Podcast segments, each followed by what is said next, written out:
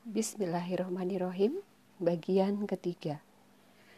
Mengapa kita harus mempelajari tauhid uluhiyah? Bab 1. Perintah pertama dan wasiat terakhir. Ketika kita mulai membuka lembaran Al-Quran ayat demi ayat, surat demi surat, maka kita akan menjumpai perintah pertama yang Allah Ta'ala serukan kepada hambanya adalah Perintah untuk beribadah kepada Allah Ta'ala saja. Allah Ta'ala berfirman yang artinya, Wahai manusia, sembahlah Rabbmu yang telah menciptakanmu dan orang-orang sebelum kamu agar kamu bertakwa. Quran Surat Al-Baqarah ayat 21 Syekh Abdul Rahman As-Sa'di rahimahullah berkata, ketika menjelaskan tafsir ayat ini, ini adalah perintah yang bersifat umum bagi setiap manusia, yaitu beribadah yang mencakup mentaati perintahnya, meninggalkan larangannya, dan membenarkan beritanya. Maka dalam ayat ini, Allah Ta'ala memerintahkan kepada mereka sesuatu yang merupakan tujuan dari penciptaan mereka. Allah Ta'ala berfirman, Dan aku tidak menciptakan jin dan manusia melainkan supaya mereka beribadah kepadaku. Quran Surat Az-Zariyat ayat 56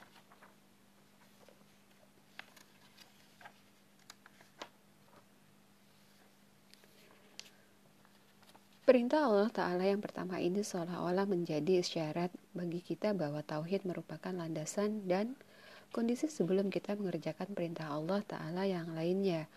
Oleh karena itu, para ulama membuat permisalan bahwa status dan kedudukan tauhid ini bagaikan fondasi dalam sebuah bangunan. Seorang yang pandai tentu saja memfokuskan perhatiannya pada pembenahan asas atau fondasi Sedangkan orang yang bodoh, dia akan terus meninggikan bangunannya, namun tanpa memiliki fondasi yang kuat. Maka dengan segera pula bangunannya akan roboh dan hancur. Ibnu Qayyim rahimahullah berkata, Siapa saja yang hendak meninggikan, meninggikan bangunannya, ia berkewajiban untuk mengokohkan, memantapkan, dan sungguh-sungguh mencurahkan segala perhatiannya kepada pondasinya karena ketinggian sebuah bangunan sangatlah bergantung pada kekuatan dan ketangguhan pondasinya. Amal-amal kebaikan dan tingkatan-tingkatannya ibarat badan bangunan, sedangkan keimanan adalah asas dan pondasinya.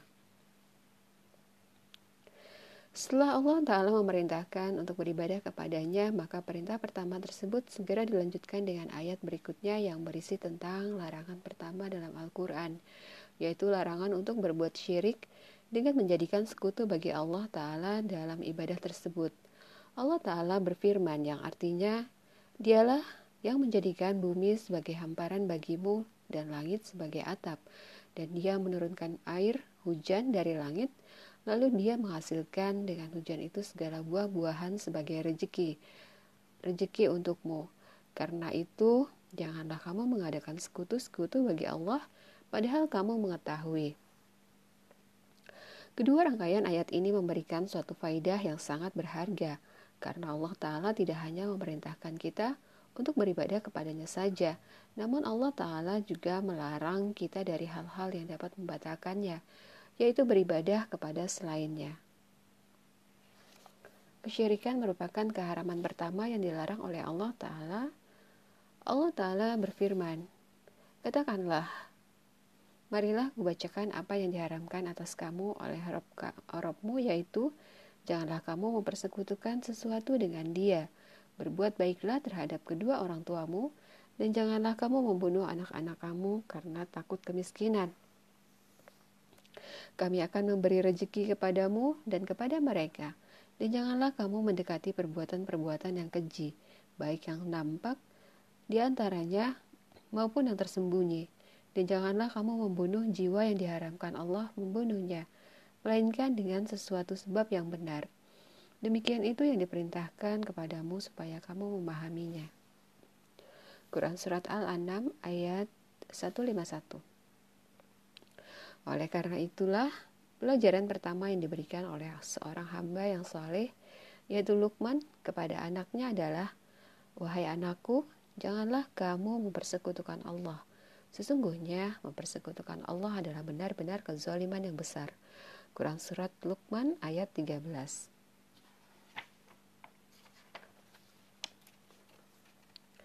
Selaras dengan ayat-ayat tersebut, maka siapa pun yang berusaha untuk meneliti jejak dakwah para rasul, maka dia akan menjumpa, menjumpai bahwa materi dakwah para rasul yang pertama kali diserukan kepada umatnya adalah tauhid. Karena tauhid inilah yang merupakan tempat pijakan pertama untuk mencari keridhaan Allah Ta'ala. Allah Ta'ala menceritakan tentang Rasulnya, Nuh alaihissalam. Sesungguhnya kami telah mengutus Nuh kepada kaumnya. Lalu ia berkata, Wahai kaumku, sembahlah Allah. Sekali-sekali tidak ada sesembahan bagimu selainnya. Sesungguhnya, kalau kamu tidak menyembah Allah, aku takut kamu akan ditimpa azab hari yang besar atau kiamat. Quran Surat Al-A'raf ayat 59 Allah Ta'ala juga menceritakan kisah Rasulnya, Hud alaihissalam. Dan kami telah mengutus kepada kaum Ad, saudara mereka, dia berkata, Wahai kaumku, sembahlah Allah. Sekali-kali tidak ada sesembahan bagimu selainnya. Maka mengapa kamu tidak bertakwa kepadanya? Quran Surat Al-A'raf ayat 65 Dalam ayat yang lain, Allah Ta'ala menceritakan kisah Rasulnya, Saleh alaihissalam, dengan firmannya, dan aku telah mengutus kepada kaum Samud, saudara mereka, Saleh, Saleh, dia berkata, Wahai kaumku, sembahlah Allah. Sekali-kali tidak ada sesembahan bagimu selainnya. Quran Surat Al-A'raf ayat 73 Kemudian tentang Rasulnya Su'aib alaihissalam, Allah Ta'ala berfirman, Dan kami telah mengutus kepada penduduk Mad Madian, saudara mereka, Syu'aib. Dia berkata, Wahai kaumku, sembahlah Allah. Sekali-kali tidak ada sesembahan bagimu selainnya. Quran Surat Al-A'raf ayat 85 Rasulullah SAW bersabda dalam rangka menjelaskan misi dakwahnya kepada manusia. Aku diperintahkan untuk memerangi manusia sampai mereka bersaksi bahwa tidak ada sesembahan yang berhak disembah melainkan Allah dan bahwa Muhammad adalah utusan Allah. Hadis riwayat Bukhari dan Muslim. Betapa pentingnya tauhid ini, sampai-sampai Rasulullah SAW senantiasa menekankan kepada para dai atau juru dakwah agar senantiasa mencurahkan perhatian mereka kepada tauhid dan mengawali dakwahnya dengan tauhid. Rasulullah SAW bersabda ketika mengutus Mu'ad bin Jabal radhiyallahu anhu untuk berdakwah ke negeri Yaman. Sesungguhnya engkau akan mendatangi kaum ahli kitab maka hendaklah yang pertama kali engkau serukan kepada mereka adalah agar mereka beribadah kepada Allah. Dalam riwayat yang lain berbunyi, maka hendaklah yang pertama kali engkau serukan kepada mereka adalah agar mereka mentauhidkan Allah. Syekh Soleh Al-Fauzan Hafizahullah menjelaskan, Rasulullah Wasallam sebagaimana para rasul yang lain memulai dakwahnya dengan memerintahkan manusia untuk mengikhlaskan ibadah kepada Allah Ta'ala dan meninggalkan peribadatan, peribadatan kepada selainnya. Ini adalah pembuka dakwah para rasul, karena hal ini adalah azas yang menjadi landasan masalah yang lain. Jika asas tersebut rusak, maka tidak ada faedahnya masalah yang lain. Tidak ada faedahnya sholat, puasa, haji, sedekah, dan seluruh ibadah yang lain – jika asas tersebut rusak atau tauhidnya tidak ada. Amalan-amalan yang lain tersebut tidak ada faedahnya karena kesyirikan akan merusaknya dan membatalkannya. Betapa pentingnya tauhid ini sampai-sampai para nabi alaihissalam alaihissalatu wassalam menjadikan tauhid sebagai wasiat penting mereka sebelum meninggal dunia. Hal ini tentunya menunjukkan perhatian mereka yang sangat besar terhadap masalah tauhid karena perhatian seseorang itu bermacam-macam. Namun semua itu dapat diketahui dari wasiat apa yang mereka katakan menjelang akhir hidupnya kepada orang-orang yang akan ditinggalkannya. Ketika yang mereka wasiatkan adalah pembagian harta, maka berarti hartalah yang menjadi perhatian utama dalam hidupnya. Ketika yang mereka wasiatkan adalah masalah jabatan dan kekuasaan, maka berarti itulah yang menjadi perhatian utama dalam hidupnya. Allah Ta'ala berfirman, dan Ibrahim telah mewasiatkan ucapan itu kepada anak-anaknya. Demikian pula Yakub. Ibrahim berkata, "Wahai anak-anakku, sesungguhnya Allah telah memilih agama ini bagimu, maka janganlah kamu mati kecuali dalam keadaan memeluk Islam." Adakah kamu hadir ketika Yakub kedatangan tanda-tanda maut, ketika ia berkata kepada anak-anaknya, "Apa yang kamu sembah sepeninggalku?" Mereka menjawab, kami akan menyembah Tuhanmu dan Tuhan nenek moyangmu, Ibrahim, Ismail, dan Ishak, yaitu Tuhan yang Maha Esa, dan kami hanya tunduk patuh kepadanya. Quran Surat Al-Baqarah ayat 132-133 Rasulullah Wasallam bersabda ketika menceritakan kisah Nabi Nuh alaihissalam. Sesungguhnya ketika Nabi Nuh hendak meninggal dunia, beliau berkata kepada anaknya, Sesungguhnya aku akan menyampaikan wasiat kepadamu. Aku memerintahkanmu kepada dua hal dan melarangmu dari dua hal. Aku memerintahkan kepadamu untuk bersaksi bahwa tiada ada sesembahan yang berhak disembah selain Allah. Karena sesungguhnya jika langit dan bumi yang tujuh diletakkan pada sebuah daun, timbangan dan kalimat la ilaha illallah diletakkan pada daun timbangan yang lain, maka akan lebih berat daun timbangan la ilaha illallah. Dan seandainya langit dan bumi dan tujuh itu sebuah cincin, maka kalimat la ilaha illallah akan membuatnya terbelah. Sedangkan kalimat subhanallah wa bihamdihi atau maha suci Allah dan segala puji untuknya adalah doa segala sesuatu dan dengannya para makhluk diberi rezeki. Dan aku melarangmu dari syirik dan kesombongan. Tauhid pula yang menjadi wasiat Rasulullah SAW menjelang detik-detik akhir kehidupannya. Jundub bin Abdullah al-Bajali radhiyallahu anhu menceritakan bahwa Rasulullah SAW bersabda ketika lima hari sebelum beliau wafat, Sesungguhnya aku berlepas diri kepada Allah untuk memiliki seorang kekasih di antara kamu.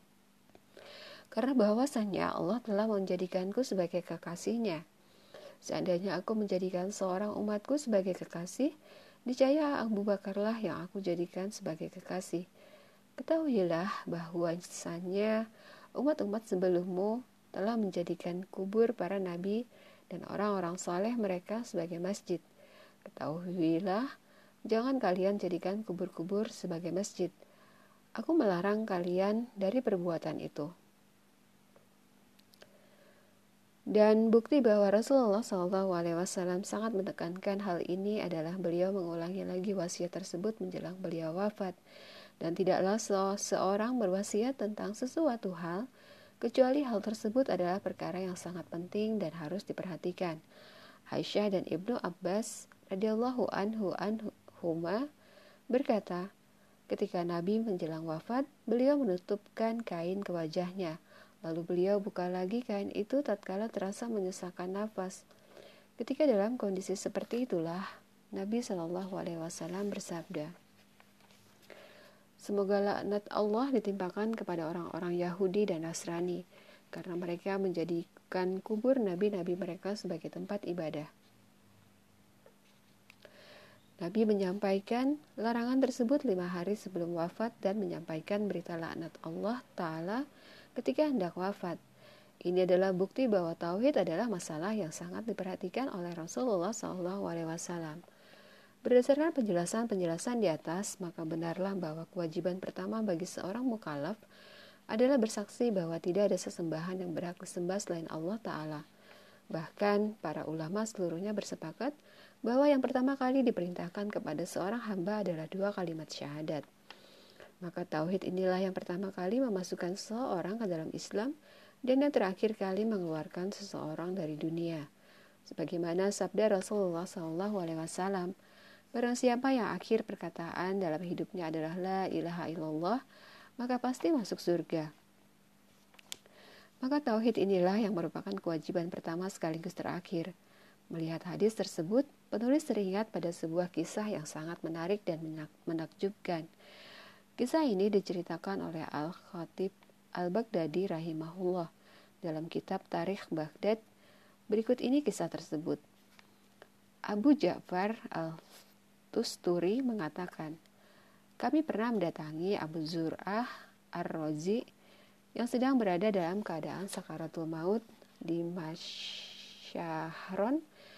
Di sisi Abu Zur'ah terdapat Abu Hatim, Muhammad bin Muslim, Al-Munzir bin Syaidzan, dan sekumpulan ulama lainnya.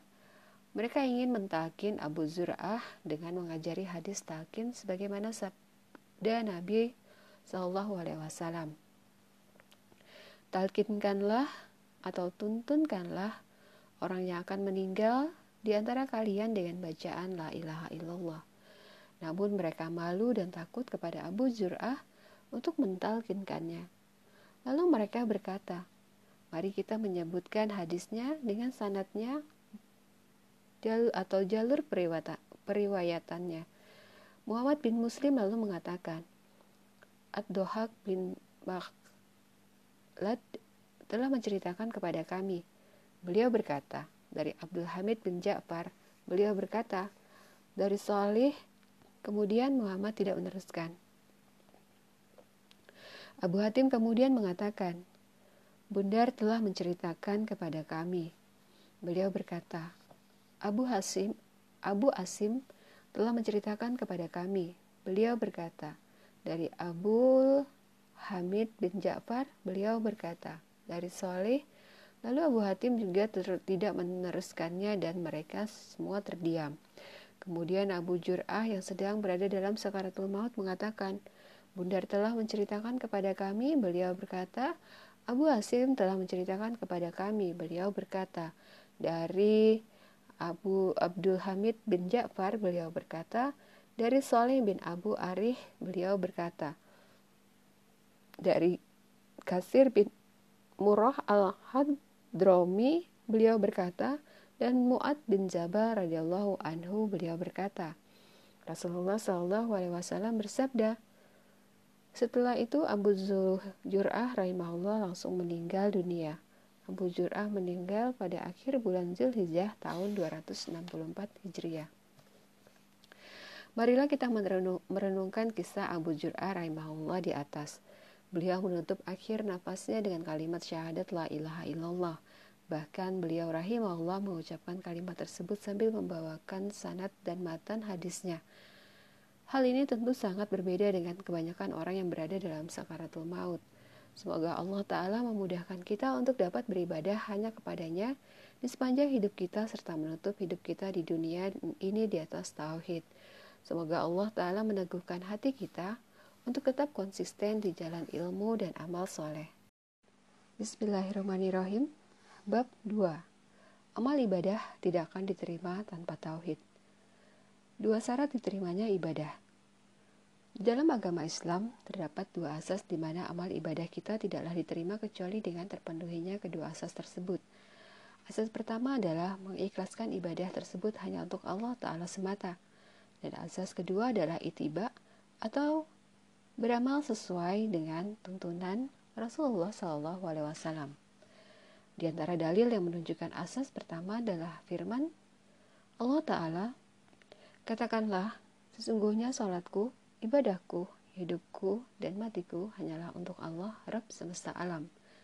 Tiada sekutu baginya. Quran Surat Al-An'am ayat 162-163 Allah Ta'ala berfirman, Padahal mereka tidak disuruh kecuali supaya menyembah Allah dengan memurnikan ketaatan kepadanya dalam menjalankan agama yang lurus dan supaya mereka mendirikan sholat dan menunaikan zakat. Yang demikian itulah agama yang lurus. Quran Surat Al-Bayyinah ayat 5 Allah Ta'ala berfirman yang artinya, Sesungguhnya kami menurunkan kepadamu Alkitab atau Al-Quran dengan membawa kebenaran, maka sembahlah Allah dengan memurnikan ketaatan kepadanya. Ingatlah, hanya kepunyaan Allah lah agama yang bersih dari syirik. Quran Surat Az-Zumar ayat 2 3. Rasulullah SAW bersabda, segala amal itu tergantung pada niatnya, dan setiap orang hanya mendapatkan sesuai dengan niatnya. Maka barang siapa yang hijrahnya kepada Allah dan Rasulnya, maka hijrahnya itu kepada Allah dan Rasulnya dan barang siapa yang hijrahnya itu karena kesenangan dunia atau karena seorang wanita yang dinikahinya maka hijrahnya itu kepada apa yang ditujunya Hadis ini berisi dorongan untuk mengikhlaskan ibadah kepada Allah Ta'ala. Karena dalam hadis ini Rasulullah SAW membagi manusia ke dalam dua kelompok. Kelompok pertama, orang yang meniatkan amalnya untuk mencari wajah Allah dan negeri akhirat. Dan kelompok kedua adalah kebalikannya. Mengikhlaskan ibadah kepada Allah Ta'ala tidak akan terwujud kecuali dengan mentauhidkan Allah Ta'ala dan tidak menyekutukan dengan sesuatu apa pun. Syekh Abdul Malik bin Ahmad Ramadhani Rahafizahullah menjelaskan, mengikhlaskan agama kepada Allah Ta'ala adalah pokok agama dan poros tempat berputarnya agama ini, yaitu dengan mentauhidkan Allah Ta'ala. Yang dengan misi inilah Allah Ta'ala telah mengutus para rasul dan menurunkan kitab-kitab. Kepada tauhid lah para nabi berdakwah dan karena tauhid pula mereka mengumandangkan jihad. Sedangkan di antara dalil yang menunjukkan asas kedua adalah sabda Rasulullah SAW. Barang siapa yang mengerjakan suatu amal yang tidak ada tuntunannya dari kami, maka amal tersebut tertolak. Dalam riwayat yang lain, Rasulullah SAW bersabda, Barang siapa yang mengada-adakan sesuatu dalam urusan agama ini yang bukan dari kami, maka amal tersebut tertolak. Oleh karena itulah, para ulama menyatakan bahwa poros agama Islam ini kembali kepada dua hadis. Yang pertama adalah hadis, segala amal itu tergantung pada niatnya, karena hadis ini adalah acuan bagi amal hati yaitu ikhlas. Dan yang kedua adalah hadis Barang siapa yang mengerjakan suatu amal yang tidak ada tuntunannya bagi kami, dari kami, maka amal tersebut tertolak. Karena hadis ini adalah acuan bagi amal lahir yaitu itiba. Contohnya adalah seseorang yang sangat ikhlas, dia beramal betul-betul karena mengharap pahala dari Allah Ta'ala. Akan tetapi dia beramal tidak berdasarkan tuntunan Rasulullah SAW maka ditinjau dari niatnya, maka niatnya adalah niat yang benar. Namun ditinjau dari sisi amalnya, maka amalnya tertolak karena tidak sesuai dengan tuntunan syariat. Contoh lain adalah seseorang yang sholat dengan sempurna, namun dia sholat supaya dilihat orang tuanya atau karena takut pada orang tuanya. Dia tidak ikhlas sehingga tidak diberi pahala meskipun sholatnya sudah benar. Amal yang dilakukan dengan ikhlas dan benar sesuai tuntunan Rasulullah SAW inilah yang merupakan amal terbaik sebagaimana yang difirmankan oleh Allah Ta'ala yang menjadikan mati dan hidup supaya dia menguji kamu siapa di antara kamu yang lebih baik amalnya dan dia maha perkasa lagi maha pengampun. Quran Surat Al-Muluk ayat 2 Tentang ayat di atas, Budail bin Iyad rahimahullah berkata, yaitu amal yang paling ikhlas dan paling benar. Beliau rahimahullah menjelaskan, sesungguhnya apabila suatu amalan sudah dilakukan dengan ikhlas namun tidak benar, maka amalan tersebut tidak diterima. Dan apabila amalan tersebut sudah benar namun tidak ikhlas, maka amalan tersebut juga tidak diterima. Sampai amalan tersebut ikhlas dan benar. Ikhlas jika ditujukan kepada Allah Ta'ala dan benar jika sesuai dengan sunnah atau tuntunan Rasulullah Sallallahu Alaihi Wasallam. Perkataan Fudail bin Iyad rahimahullah tersebut juga ditunjukkan oleh firman Allah Ta'ala. Barang siapa mengharap perjumpaan dengan robnya, maka hendaklah dia mengerjakan amal yang soleh dan janganlah dia mempersekutukan seorang pun dalam beribadah kepada Tuhannya. Quran Surat Al-Kahfi ayat 110 Ibnu Kasir rahimahullah menjelaskan yang dimaksud dengan maka hendaklah dia mengerjakan amal yang soleh adalah amal yang sesuai dengan syariat Allah. Sedangkan yang dimaksud dengan dan janganlah dia mempersekutukan seorang pun dalam beribadah kepada Robnya adalah amal yang dimaksudkan untuk mencari wajah Allah Ta'ala semata. Tidak ada sekutu baginya. Dua hal ini adalah rukun diterimanya amal yaitu harus ikhlas karena Allah Ta'ala dan sesuai dengan syariat Rasulullah SAW. Tentang dua syarat ibadah ini terdapat penjelasan menarik yang disampaikan oleh Ibnu Qayyim al-Zauziyah rahimahullah. Beliau rahimahullah menjelaskan bahwa sebagian ulama salaf mengatakan tidak ada suatu amal pun meskipun amal tersebut kecil kecuali harus ditimbang dengan dua pertanyaan. Mengapa dan bagaimana? Maksudnya, mengapa engkau melakukannya dan bagaimana engkau mengerjakannya? Pertanyaan pertama adalah pertanyaan tentang alasan dan faktor, faktor pendorong untuk melakukan suatu amal ibadah. Apakah dia mengerjakannya karena didorong oleh kepentingan tertentu atau tujuan-tujuan duniawi, seperti agar dicintai atau dipuji masyarakat, atau agar tidak mendapatkan celaan dari mereka, atau apakah yang mendorongnya beribadah adalah untuk menunaikan kewajiban sebagai seorang hamba dan mendekatkan diri kepadanya sehingga inti dari pertanyaan ini adalah apakah engkau mengerjakan amal ibadah ini karena Allah Ta'ala atau karena hawa nafsumu. Adapun pertanyaan kedua adalah pertanyaan tentang itiba kepada Rasulullah SAW dalam melaksanakan ibadah tersebut. Apakah ibadah tersebut sesuai dengan tata cara yang telah dijelaskan oleh Rasulullah SAW, atau apakah amal tersebut adalah amal yang tidak disyariatkan dan tidak pula diridoinya. Sehingga pertanyaan pertama adalah tentang ikhlas dan kedua adalah pertanyaan tentang mutaba'ah karena sesungguhnya Allah Ta'ala tidaklah menerima amal ibadah seorang hamba kecuali dengan terpenuhinya kedua syarat tersebut. Cara untuk terbebas dari pertanyaan pertama adalah dengan merealisasikan keikhlasan dengan menyelamatkan diri dari tujuan-tujuan yang bertentangan dengan ikhlas. Sedangkan cara untuk terbebas dari pertanyaan kedua adalah mewujudkan mutaba'ah kepada Rasulullah SAW dan menyelamatkan hati dari hawa nafsu yang bertentangan dengan itiba.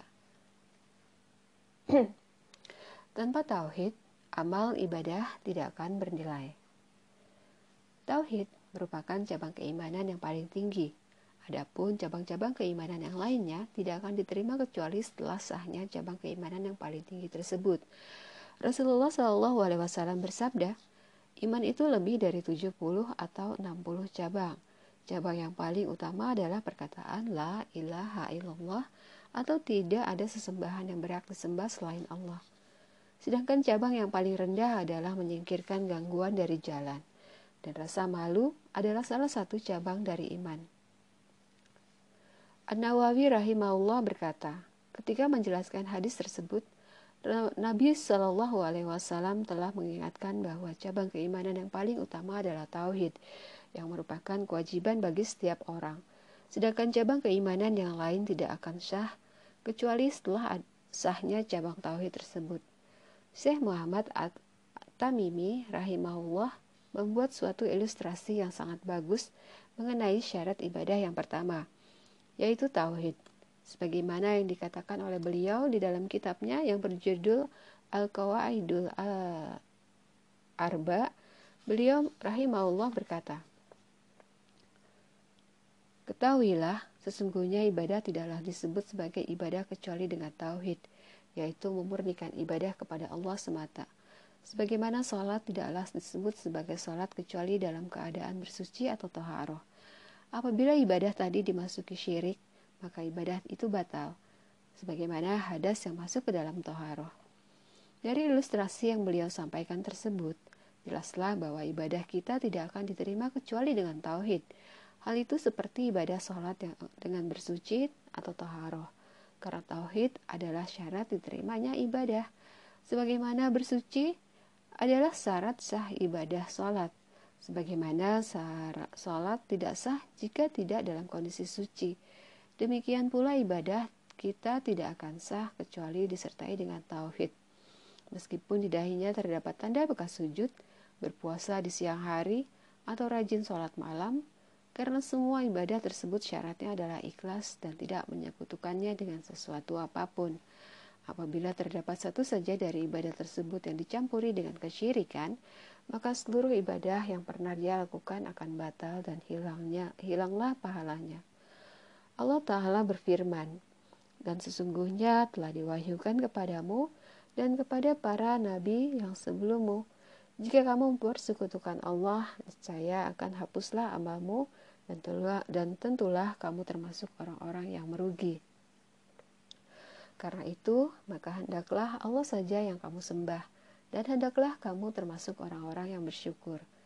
Quran Surat Az-Zumar ayat 65 dan 66 Allah Ta'ala berfirman tentang orang-orang kafir, dan kami hadapkan segala amal yang mereka kerjakan, lalu kami jadikan amal itu bagaikan debu yang berterbangan, oleh karena itu, betapapun agungnya jenis ibadah yang kita lakukan dan sebanyak apa pun kita mengerjakan ibadah tersebut, namun apabila tidak disertai dengan tauhid, maka ibadah tersebut tidak akan diterima. Sebagaimana seseorang yang tidak dalam keadaan berwudu, lalu dia melakukan sholat dengan paling sempurna, dia memperlama berdiri, ruku, dan sujudnya, serta memperbagus sholatnya, maka seluruh kaum muslimin sepakat bahwa sholatnya tidak sah Bahkan dia dihukumi telah meninggalkan sholat karena anggungnya syarat sah sholat ini. Rasulullah Wasallam bersabda, Allah tidak akan menerima sholat seseorang di antara kalian apabila dia berhadas sampai dia berwudu.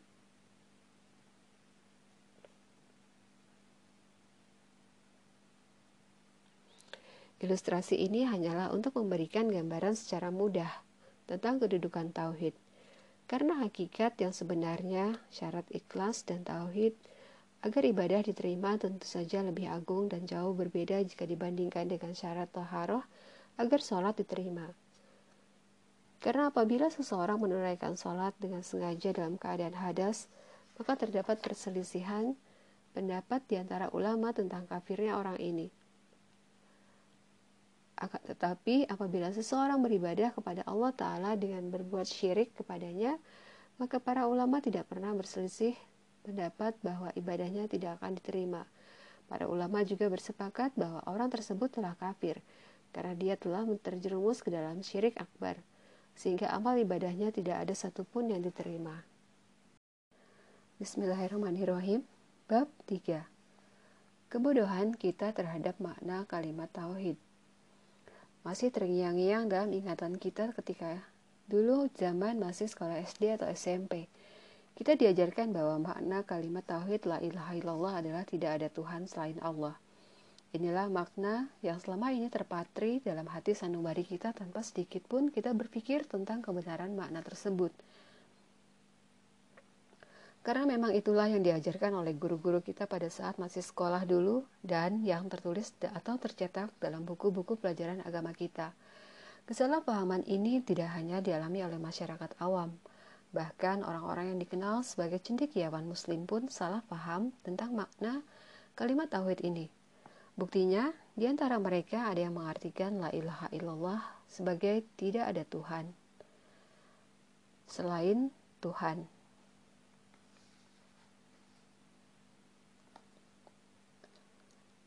Untuk membahas makna kalimat tauhid. Mungkin inilah pertanyaan yang muncul di benak para pembaca. Berkaitan dengan pembahasan kita dalam bab ini. Iya, untuk apa kita membahas makna kalimat tauhid? Toh kita sudah mengucapkannya. Kita pun sudah melaksanakan ajaran agama Islam seperti sholat lima waktu. Setiap hari Jumat kita pergi ke masjid untuk sholat Jumat atau setiap bulan Ramadan kita berpuasa.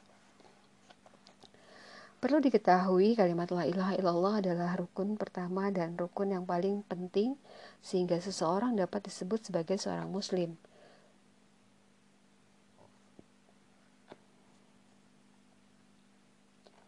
Karena seorang muslim adalah hamba yang taat dan tunduk kepada Allah Ta'ala. Dan hal itu tidaklah mungkin terlaksana kecuali dia meyakini dalam hatinya tentang makna kalimat tersebut. Kalimat tauhid merupakan pokok agama Islam dan sumber kekuatan Islam. Adapun akidah dan hukum-hukum Islam yang lain, semuanya dibangun atas, di atas landasan kalimat tauhid. Kekuatan bangunan Islam tidaklah mungkin kokoh kecuali bersumber dari kekuatan kalimat tauhid. Apabila landasan tersebut hancur, maka hancurlah pula Islam seseorang dan tidak akan tersisa sama sekali. Yang perlu digarisbawahi juga adalah bahwa kalimat la ilaha illallah yang diucapkan oleh seseorang tidak akan bermanfaat kecuali dengan memenuhi seluruh syarat-syaratnya dan mengamalkan konsekuensinya baik secara lahir maupun batin. Hal ini juga sebagaimana ibadah sholat yang tidak akan sah kecuali dengan memenuhi syarat dan rukunnya, serta tidak melakukan pembatal sholat. Di antara syarat la ilaha illallah yang harus dipenuhi adalah seseorang harus mengetahui makna kalimat tersebut. Allah Ta'ala berfirman yang artinya, Maka ketahuilah bahwa sesungguhnya tidak ada sesembahan yang benar selain Allah. Quran Surat Muhammad ayat 19 Begitu juga Allah Ta'ala berfirman, akan tetapi orang yang dapat memberi syafaat ialah orang yang mengakui dengan benar La ilaha illallah dan mereka meyakininya. Quran Surat Az-Zukhruf ayat 86 Rasulullah Shallallahu Alaihi Wasallam bersabda, Barang siapa mati dalam keadaan mengetahui bahwa tidak ada sesembahan yang benar kecuali Allah, maka dia akan masuk surga. Dan dari dalil-dalil dari Al-Quran dan As-Sunnah tersebut, para ulama rahimahullah menyimpulkan bahwa salah satu syarat sah la ilaha illallah adalah seseorang mengetahui makna la ilaha illallah dengan benar. Ketika seseorang bertanya kepada Wahab bin Munabih rahimahullah, Bukanlah kalimat la ilaha illallah itu adalah kunci surga. Maka beliau rahimahullah menjawab, benar, akan tetapi tidak ada sebuah kunci kecuali pasti memiliki gerigi. Jika engkau memasukinya dengan kunci yang memiliki gerigi, maka pintu tersebut akan terbuka. Namun jika tidak memiliki gerigi, maka pintu tersebut tidak akan terbuka. Lalu, apakah yang menjadi gerigi dari kunci tersebut? Gerigi dari kunci la ilaha illallah tidak lain adalah syarat-syarat la ilaha illallah. Dan di antara syarat la ilaha illallah adalah seseorang memahami makna yang terkandung di dalamnya. Tidak ada Tuhan selain Allah. Tidak ada Tuhan selain Allah merupakan makna kalimat la ilaha illallah yang populer di kalangan kaum muslimin. Dalam hal ini, kata ilah diartikan dengan kata Tuhan namun perlu diketahui bahwa kata Tuhan dalam bahasa Indonesia memiliki dua makna, yaitu pertama, kata Tuhan yang identik dengan pencipta, pengatur, pemberi rezeki, yang menghidupkan, yang mematikan, dan yang dapat memberikan manfaat atau mendatangkan mudarat. Ringkasnya, kata Tuhan di sini dimaknai dengan makna rububiyah. Kedua, kata Tuhan yang berarti sesembahan yaitu sesuatu yang menjadi tujuan segala jenis aktivitas ibadah. Karena terdapat dua makna untuk kata Tuhan, maka kalimat tiada tidak ada Tuhan selain Allah juga memiliki dua pengertian. Pengertian pertama, tidak ada pencipta, pemberi rezeki, dan pengatur alam semesta selain Allah. Pengertian kedua, tidak ada sesembahan selain Allah. Oleh karena itu, dalam pembahasan selanjutnya kita akan meninjau apakah memaknai kalimat la ilaha illallah dengan kedua pengertian tersebut sudah benar serta berdasarkan dalil-dalil dari Al-Quran dan As-Sunnah. Tidak ada pencipta, pemberi rezeki, dan pengatur alam semesta lainnya selain Allah. Memaknai la ilaha illallah dengan tidak ada Tuhan selain Allah yang berarti tidak ada pencipta, pemberi rezeki, dan pengatur alam semesta selain Allah adalah pemahaman yang keliru. Berikut ini kami sampaikan tiga bukti yang menunjukkan kesalahan tersebut. Bukti pertama, kaum musyrikin pada zaman Rasulullah SAW pun mengakui bahwa Allah Ta'ala adalah satu-satunya zat yang menciptakan, memberi rezeki, dan mengatur alam semesta. Sebelumnya perlu disampaikan terlebih dahulu bahwa keyakinan bahwa Allah lah satu-satunya zat yang mencipta, memberi rezeki, dan mengatur alam semesta adalah keyakinan dan akidah yang benar, serta tidak ada keraguan sedikit pun di dalamnya. Allah Ta'ala berfirman, Sesungguhnya Rabb kamu ialah Allah yang telah menciptakan langit dan bumi dalam enam masa. Lalu dia bersemayam di atas ars. Dia menutupkan malam kepada siang yang mengikutinya dengan cepat. Dan diciptakannya pula matahari, bulan, dan bintang-bintang. Masing-masing tunduk kepada perintahnya. Ingatlah menciptakan dan memerintah hanyalah hak Allah. Maha suci Allah, Rabb semesta alam. Quran Surat Al-A'raf ayat 54 Namun yang perlu diperhatikan adalah bahwa keyakinan seperti ini juga dimiliki oleh kaum musyrikin Arab pada zaman Rasulullah SAW berdakwah dahulu. Hal ini dapat kita ketahui dari dalil-dalil berikut ini. Dalil pertama, Allah Ta'ala berfirman, dan sesungguhnya jika kamu tanyakan kepada mereka, siapakah yang menciptakan langit dan bumi, tentu mereka akan menjawab Allah. Quran surat Al Quran surat Luqman ayat 25. Dalil kedua, Allah Ta'ala berfirman, Katakanlah, siapakah yang memberi rezeki kepadamu dari langit dan bumi? Atau siapakah yang berkuasa menciptakan pendengaran dan penglihatan? Dan siapakah yang mengeluarkan yang hidup dari yang mati dan mengeluarkan yang mati dari yang hidup? Dan siapakah yang mengatur segala urusan? Maka mereka akan menjawab Allah. Maka katakanlah, mengapa kamu tidak bertakwa kepadanya? Quran Surat Yunus ayat 31 Dalil ketiga, Allah Ta'ala berfirman, Dan sesungguhnya, jika kamu menanyakan kepada mereka, siapakah yang menurunkan air dari langit lalu menghidupkan dengan air itu bumi sesudah matinya, tentu mereka akan menjawab Allah. Katakanlah segala puji bagi Allah. Akan tetapi, kebanyakan mereka tidak memahaminya. Quran Surat Al-Ankabut ayat 63 Dalil keempat, Allah Ta'ala berfirman, dan sungguh, jika kamu bertanya kepada mereka, siapakah yang menciptakan mereka? Niscaya mereka menjawab Allah. Maka bagaimanakah mereka dapat dipalingkan dari menyembah Allah Ta'ala? Quran Surat Az-Zukhruf ayat 87 Dalil kelima, Allah Ta'ala berfirman, Katakanlah, siapakah pemilik langit yang tujuh dan pemilik ars yang besar? Mereka akan menjawab kepunyaan Allah. Katakanlah, maka apakah kamu tidak bertakwa?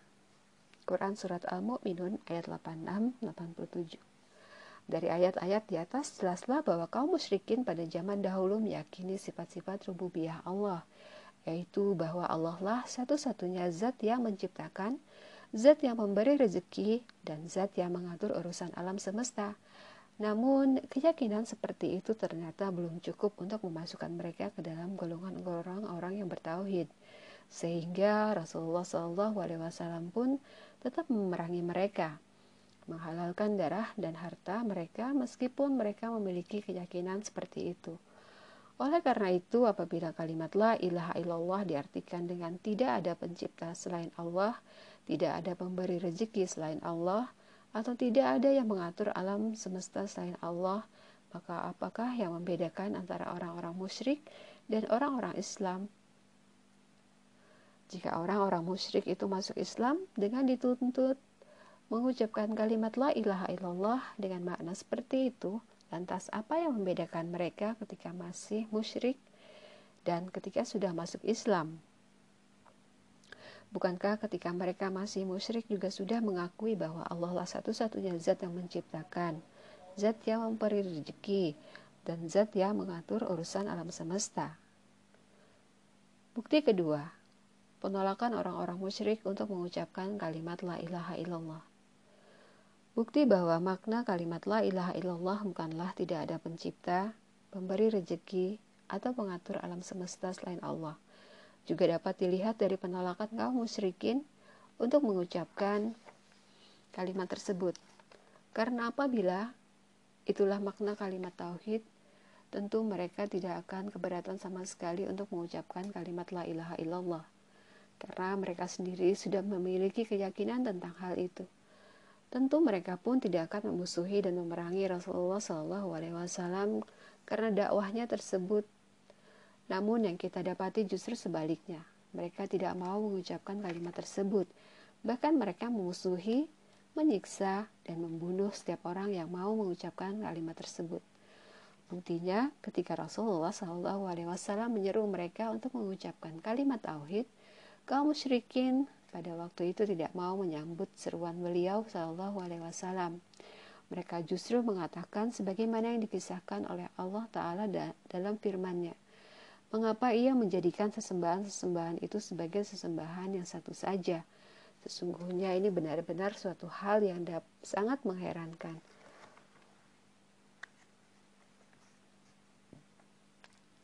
Quran Surat Sot ayat 5 Kalaulah maksud Rasulullah SAW dengan kalimat tauhid tersebut adalah tidak ada pencipta, pemberi rezeki, atau pengatur alam semesta selain Allah, tentu kaum musyrikin tersebut segera menyambut dakwah beliau dengan senang hati dan sukacita, karena apa yang beliau dakwahkan sudah sama dengan apa yang mereka yakini sebelumnya.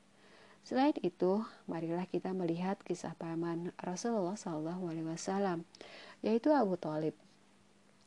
Abu Talib adalah seseorang yang telah banyak berjasa membantu dakwah Rasulullah SAW. Namun Abu Talib tetap enggan untuk mengucapkan kalimat la ilaha illallah. Bahkan ketika Rasulullah SAW memerintahkan Abu Talib untuk mengucapkan kalimat ini di akhir hayatnya, dia tetap saja enggan untuk mengucapkannya. Berikut ini kisah selengkap, selengkapnya. Ketika Abu Talib hendak meninggal dunia, maka Rasulullah Shallallahu Alaihi Wasallam mendatanginya. Di sisi Abu Talib ada Abu Jahal bin Hisham dan Abdullah bin Abi Umayyah bin Mugiroh. Rasulullah Shallallahu Alaihi Wasallam berkata kepada Abu Talib, wahai pamanku, katakanlah la ilaha illallah, suatu kalimat yang dapat aku jadikan sebagai hujah atau argumentasi untuk membelamu di sisi Allah. Maka Abu Jahal dan Abdullah bin Abu Umayyah berkata, Apakah engkau membenci agama Abdul Muthalib? Maka Rasulullah terus-menerus mengulang perkataan terse perkataannya tersebut sampai Abu Talib akhirnya tidak mau mengucapkannya. Dia tetap berada di atas agama Abdul Muthalib dan enggan untuk mengucapkan La ilaha illallah. Sekali lagi penolakan Abu Talib dan kaum musyrikin secara umum untuk mengucapkan La ilaha illallah menunjukkan bahwa makna kalimat tersebut bukanlah tidak ada pencipta, pemberi rezeki, atau pengatur alam semesta lain selain Allah. Karena keyakinan seperti ini telah mereka miliki sebelum Rasulullah SAW berdakwah.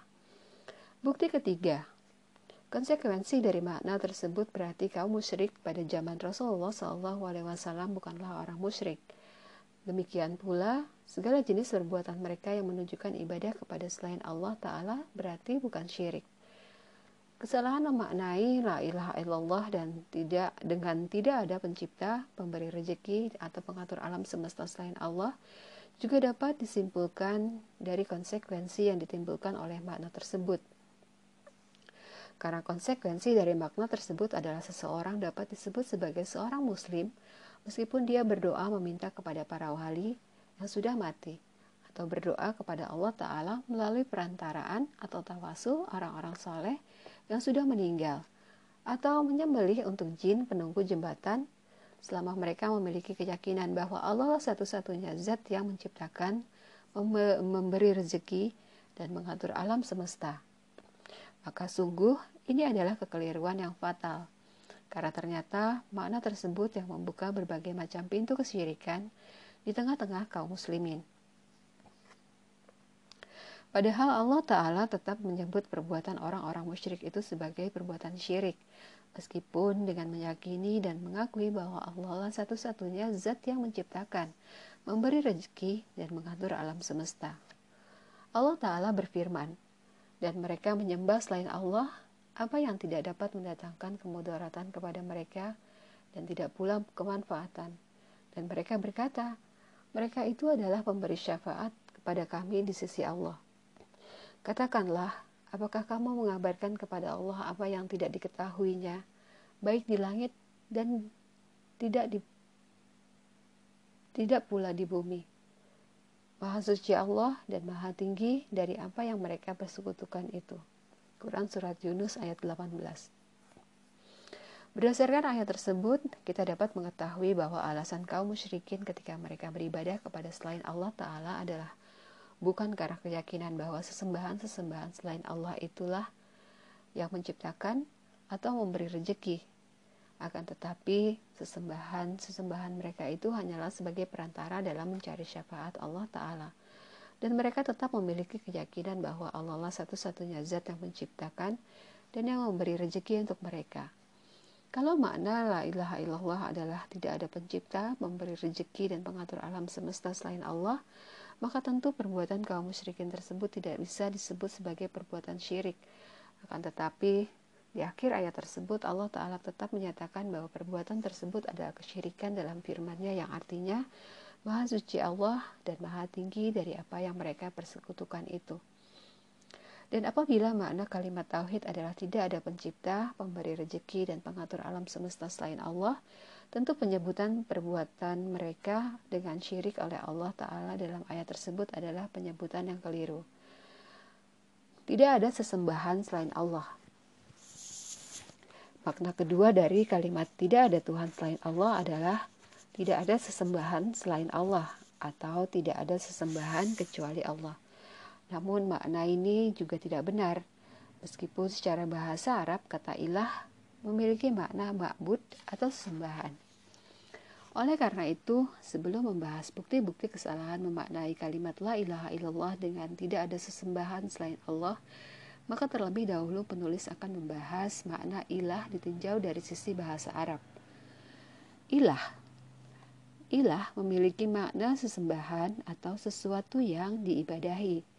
Secara bahasa, kata ilah diturunkan dari kata alaha yang memiliki makna abada, menyembah atau beribadah.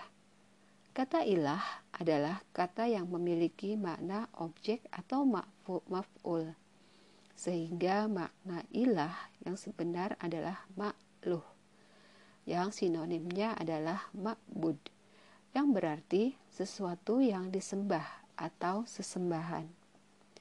Salah seorang ulama ahli tafsir terkemuka, Ibnu Katsir rahimahullah, ketika menjelaskan tafsir surat An-Naml ayat ke-60, apakah di samping Allah ada ilah yang lain?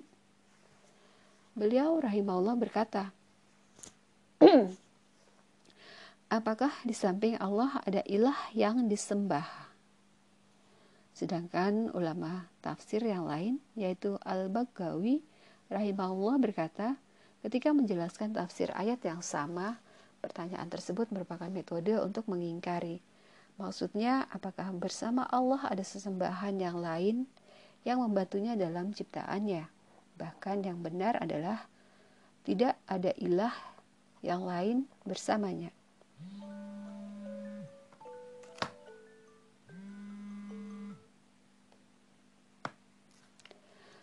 Bukti lain yang menunjukkan makna ilah tersebut adalah bahwa Ibnu Abbas radhiyallahu anhu memiliki kiroah atau cara membaca tersendiri pada ayat.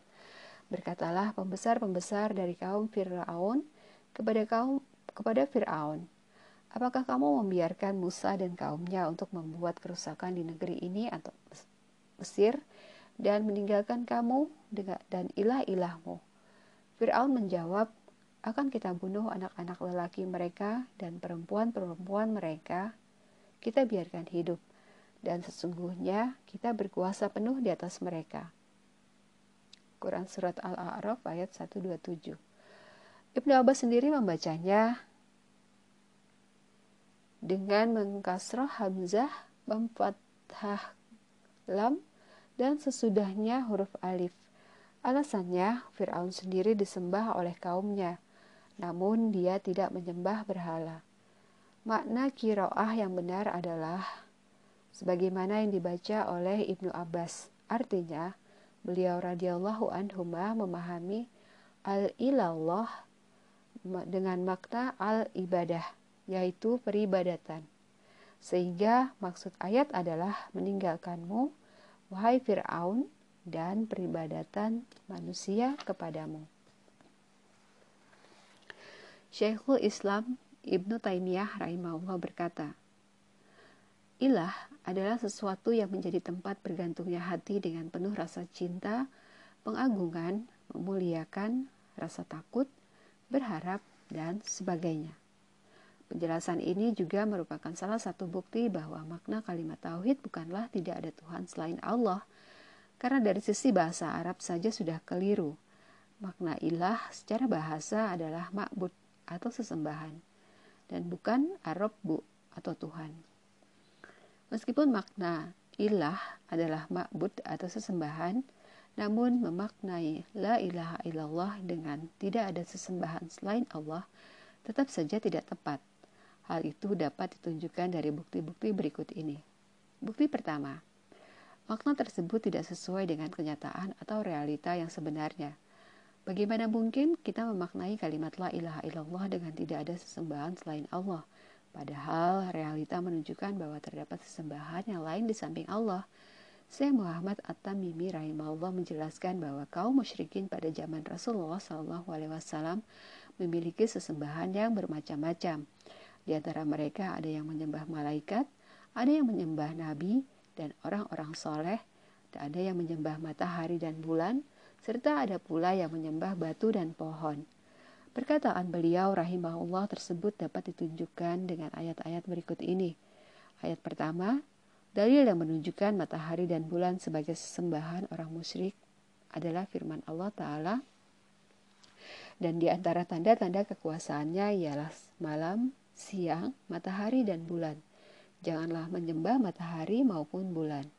Quran Surat Fusilat ayat 37 Syekh Soleh Paujan Hafizahullah menjelaskan ayat tersebut menunjukkan bahwa ada orang yang menyembah matahari dan bulan.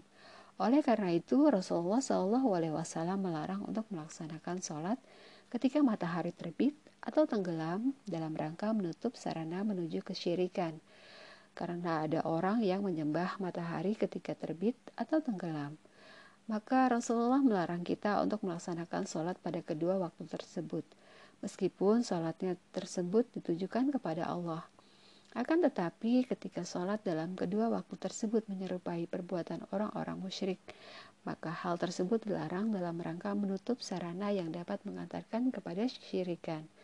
Dan Rasulullah Wasallam melarang perbuatan syirik dan menutup sarana yang dapat mengantarkan kepada syirik tersebut. Ayat kedua, dalil yang menunjukkan bahwa malaikat adalah salah satu sesembahan orang musyrik adalah firman Allah Ta'ala dan tidak wajar pula baginya menyuruhmu menjadikan malaikat dan para nabi sebagai Tuhan. Apakah patut dia menyuruhmu berbuat kekafiran di waktu kamu sudah menganut agama Islam. Quran Surat Ali Imran ayat 80 Ayat ketiga, dalil yang menunjukkan bahwa para nabi adalah salah satu sesembahan orang musyrik adalah firman Allah. Dan ingatlah ketika Allah berfirman, Wahai Isa putra Maryam, apakah kamu mengatakan kepada manusia, Jadikanlah aku dan ibuku sebagai dua orang sesembahan selain Allah, Isa menjawab, Maha suci engkau, tidaklah patut bagiku mengatakan apa yang bukan hakku untuk mengatakannya. Jika aku pernah mengatakan, maka tentulah engkau mengetahui apa yang ada pada diriku, dan aku tidak mengetahui apa yang ada pada diri engkau. Sesungguhnya engkau maha mengetahui perkara yang goib. Quran Surat Al-Maidah ayat 116 Ayat-ayat di atas merupakan bukti bahwa di samping Allah Ta'ala juga terdapat sesembahan-sesembahan yang lain. Bahkan dalam banyak ayat pula Allah Ta'ala menyebutkan sesembahan orang-orang musyrik sebagai ilah. Allah Ta'ala berfirman, mereka mengambil sesembahan-sesembahan selain Allah, maka mereka mendapat pertolongan. Quran Surat Yasin ayat 73 Dan kami tidaklah menganiaya mereka tetapi merekalah yang menganiaya diri mereka sendiri, karena itu tiadalah bermanfaat sedikit pun kepada mereka sesembahan-sesembahan yang mereka seru selain Allah. Di waktu azab Rabbimu datang, dan sesembahan-sesembahan itu tidaklah menambah kepada mereka kecuali kebinasaan belaka. Quran Surat Hud ayat 101 Kesimpulannya, memaknai la ilaha illallah dengan tidak ada sesembahan selain Allah adalah tidak tepat karena realita menunjukkan bahwa di dunia ini terdapat sesembahan-sesembahan yang lain selain Allah Ta'ala. Bahkan Allah Ta'ala sendiri mengakui bahwa kenyataannya memang terdapat sesembahan selain dia. Bukti kedua, kalimat tidak ada sesembahan kecuali Allah menimbulkan konsekuensi yang sangat berbahaya karena konsekuensi kalimat itu menunjukkan bahwa semua sesembahan orang musyrik adalah Allah – Kekeliruan makna tidak ada sesembahan kecuali Allah juga dapat dilihat dari konsekuensi yang ditimbulkan oleh makna tersebut. Karena kalimat tidak ada sesembahan kecuali Allah, berarti semua sesembahan yang ada di alam semesta ini adalah Allah. Maka Isa bin Maryam adalah Allah, karena dia adalah sesembahan orang-orang Nasrani.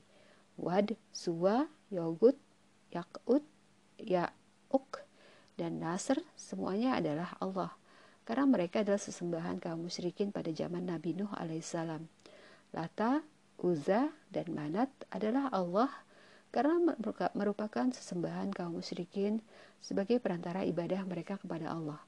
Para wali yang dijadikan sebagai perantara dalam berdoa kepada Allah adalah Allah juga, karena mereka merupakan sesembahan para penyembah kubur.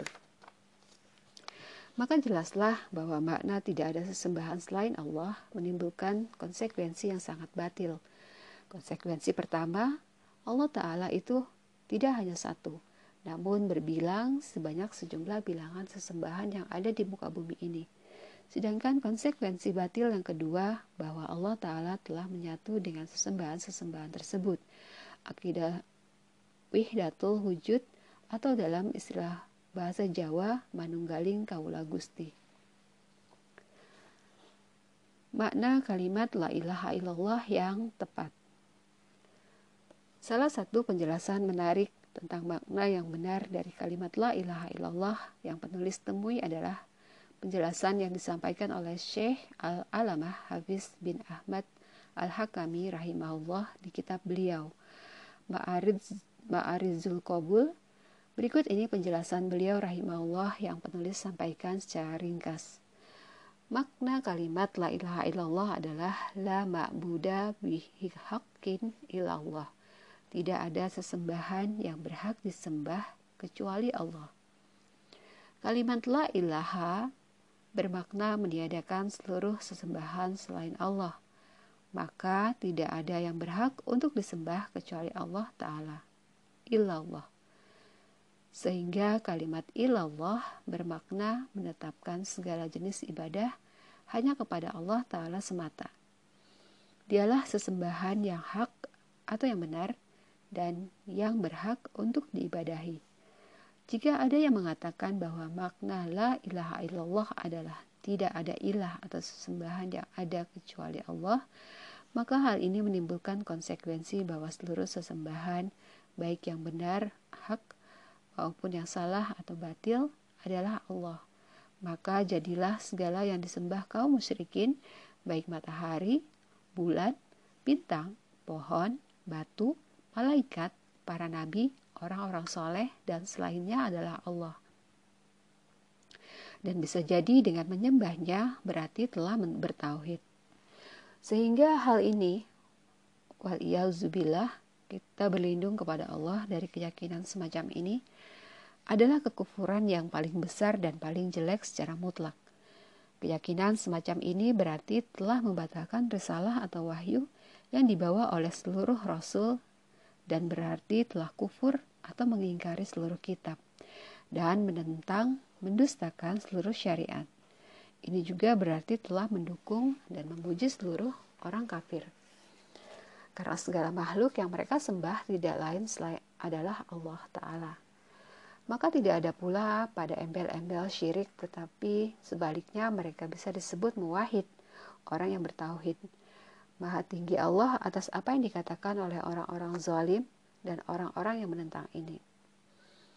Jika kita sudah memahami demikian, maka kita tidak boleh memaknai kalimat la ilaha illallah dengan tidak ada sesembahan yang ada kecuali Allah kecuali apabila kita menambahkan kalimat dengan benar yang berhak disembah pada makna tersebut.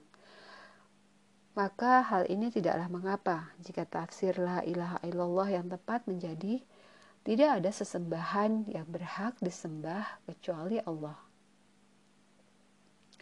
Berdasarkan penjelasan Syekh Hafiz bin Ahmad Al-Hakami rahimahullah tersebut, maka makna yang tepat dari kalimat la ilaha illallah adalah tidak ada sesembahan yang berhak disembah kecuali Allah. Ditambahkan kalimat yang berhak disembah ini dapat ditinjau dari dua sisi. Pertama, kenyataan memang menunjukkan bahwa banyak sekali sesembahan-sesembahan selain Allah di muka bumi ini. Akan tetapi, dari sekian banyak sesembahan tersebut, yang berhak untuk disembah hanyalah Allah Ta'ala semata. Dalilnya adalah firman Allah Ta'ala Demikianlah karena sesungguhnya Allah dialah sesembahan yang hak atau benar dan sesungguhnya apa yang mereka sembah selain Allah itulah sesembahan yang batil. Quran Surat Luqman ayat 31 Adapun sesembahan selain Allah sesungguhnya hanyalah sesembahan yang berdasarkan persangkaan orang-orang musyrik mereka saja.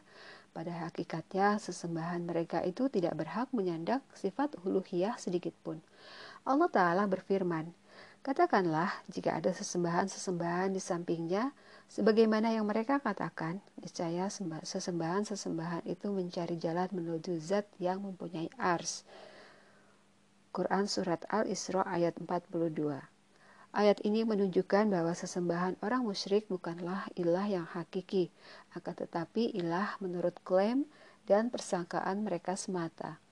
Allah Ta'ala tetap menyebut sesembahan orang musyrik tersebut sebagai sebutan ilah karena realita memang menunjukkan bahwa mereka itu disembah atau diibadahi dan setiap yang disembah disebut sebagai ilah. Akan tetapi sesembahan mereka itu adalah ilah atau sesembahan yang batil. Kedua, di sisi bahasa Arab pada kalimat la ilaha illallah memang ada satu kata yang dibuang yaitu hak hakun sehingga kalimat lengkap dari kalimat tauhid tersebut sebenarnya adalah la ilah hakun ilallah yang berarti tidak ada sesembahan yang hak atau yang berhak disembah selain Allah. Hal ini memang agak sulit dipahami, terutama bagi orang-orang yang belum mengenal kaidah bahasa Arab. Kalau ada yang bertanya, mengapa ada kata yang dibuang? Maka jawabannya adalah karena kaidah bahasa Arab menuntut agar kalimat tersebut disampaikan secara ringkas, namun dapat dipahami oleh setiap orang yang mendengarnya. Meskipun kata hakun dibuang, namun orang-orang musyrik jahiliyah dahulu telah memahami bahwa ada kata yang dibuang yaitu hakun. Dengan hanya mendengar kalimat la ilaha illallah, karena bagaimanapun orang-orang musyrik jahiliyah adalah masyarakat yang fasih dalam berbahasa Arab. Setelah mengetahui makna yang benar dari kalimat la ilaha illallah, maka perlu diketahui bahwa kalimat tersebut memiliki dua rukun.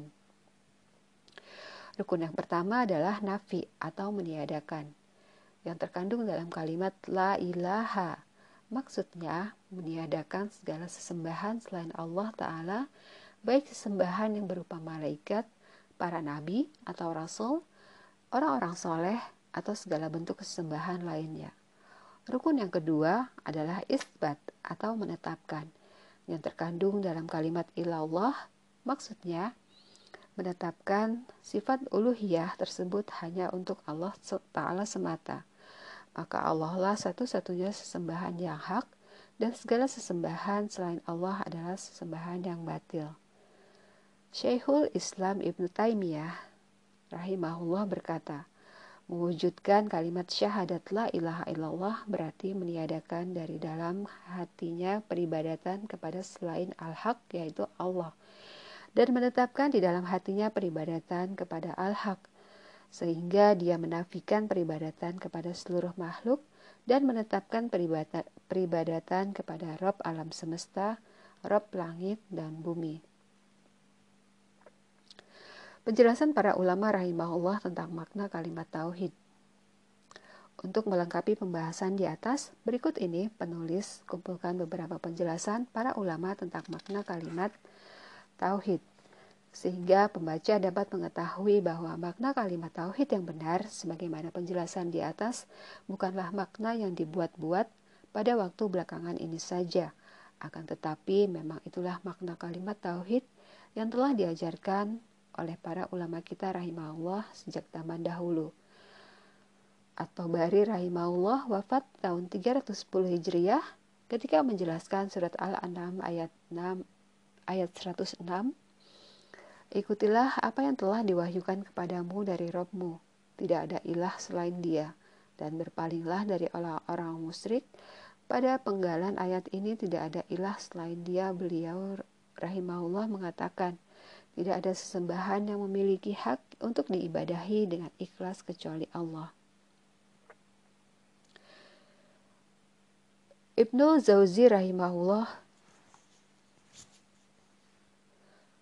wafat tahun 597 Hijriah berkata, ketika menjelaskan tafsir surat Toha ayat 98, Sesungguhnya sesembahanmu hanyalah Allah, yang tidak ada ilah yang berhak disembah selain dia. Pengetahuannya meliputi segala sesuatu. Pada penggalan ayat sesungguhnya sesembahanmu hanyalah Allah, tidak ada ilah yang berhak disembah selain dia. Beliau rahimahullah berkata, dialah yang memiliki hak untuk disembah. Ibnu Qasir rahimahullah wafat tahun 774 Hijriah ketika menjelaskan surat Ali Imran ayat 6 Dialah yang membentuk kamu dalam rahim sebagaimana dikehendakinya. Tidak ada ilah yang berhak disembah, melainkan dia. Yang maha perkasa lagi maha bijaksana. Pada penggalan ayat tidak ada ilah melainkan dia, beliau rahimahullah berkata, Dialah Allah yang menciptakan, Dialah Allah satu-satunya yang memiliki hak uluhiyah disembah oleh makhluk. Tidak ada sekutu baginya. As-Suyuti rahimahullah wafat tahun 911 Hijriah ketika menjelaskan tafsir surat Al-Baqarah ayat 255 Allah tidak ada ilah melainkan dia. Beliau langsung menafsirkannya dengan berkata, tidak ada sesembahan yang berhak disembah di alam semesta ini selain dia, selain Allah.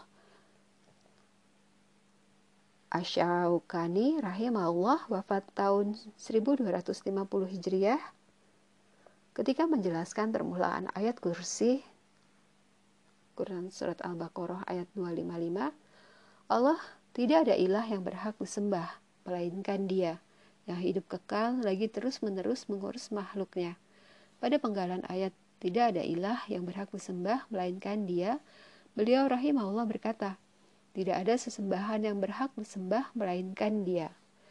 Itulah penjelasan para ulama dari generasi ke generasi yang sangat mendalam ilmunya tentang makna kalimat la ilaha illallah. Semoga kutipan-kutipan tersebut semakin meneguhkan hati kita bahwa penjelasan tentang makna yang benar dari kalimat tauhid ini bukanlah penjelasan yang kami buat-buat sendiri atau ajaran baru dalam agama Islam yang tidak dikenal oleh para ulama sebelumnya. Kita dapat melihat bersama Meskipun mereka rahimahullah menjelaskan kalimat tersebut dengan berbagai lafaz, namun hakikatnya kembali kepada makna yang satu yaitu tidak ada sesembahan yang berhak disembah selain Allah. Demikianlah pembahasan tentang makna yang benar dari kalimat tauhid. Semoga dengan pembahasan yang singkat ini dapat mengangkat sedikit di antara kebodohan diri kita tentang agama ini. Dan sungguh memahami kalimat tauhid merupakan salah satu nikmat Allah Ta'ala yang sangat besar bagi hambanya. Sufyan bin Uyainah rahimahullah berkata, Tidaklah Allah Ta'ala memberikan nikmat kepada seorang hamba dengan suatu nikmat yang lebih agung dari nikmat diberikan pemahaman terhadap kalimat La ilaha illallah.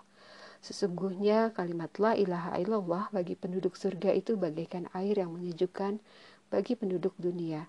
Karena kalimat itulah disiapkan negeri kenikmatan yaitu surga dan negeri hukuman yaitu neraka. Karena kalimat itu Pula, para rasul diperintahkan untuk berjihad. Barang siapa yang mengatakannya, maka harta dan darahnya akan terjaga. Dan barang siapa yang enggan mengatakannya, maka halallah harta dan darahnya. Kalimat tersebut adalah kunci surga dan kunci pembuka dakwah para rasul.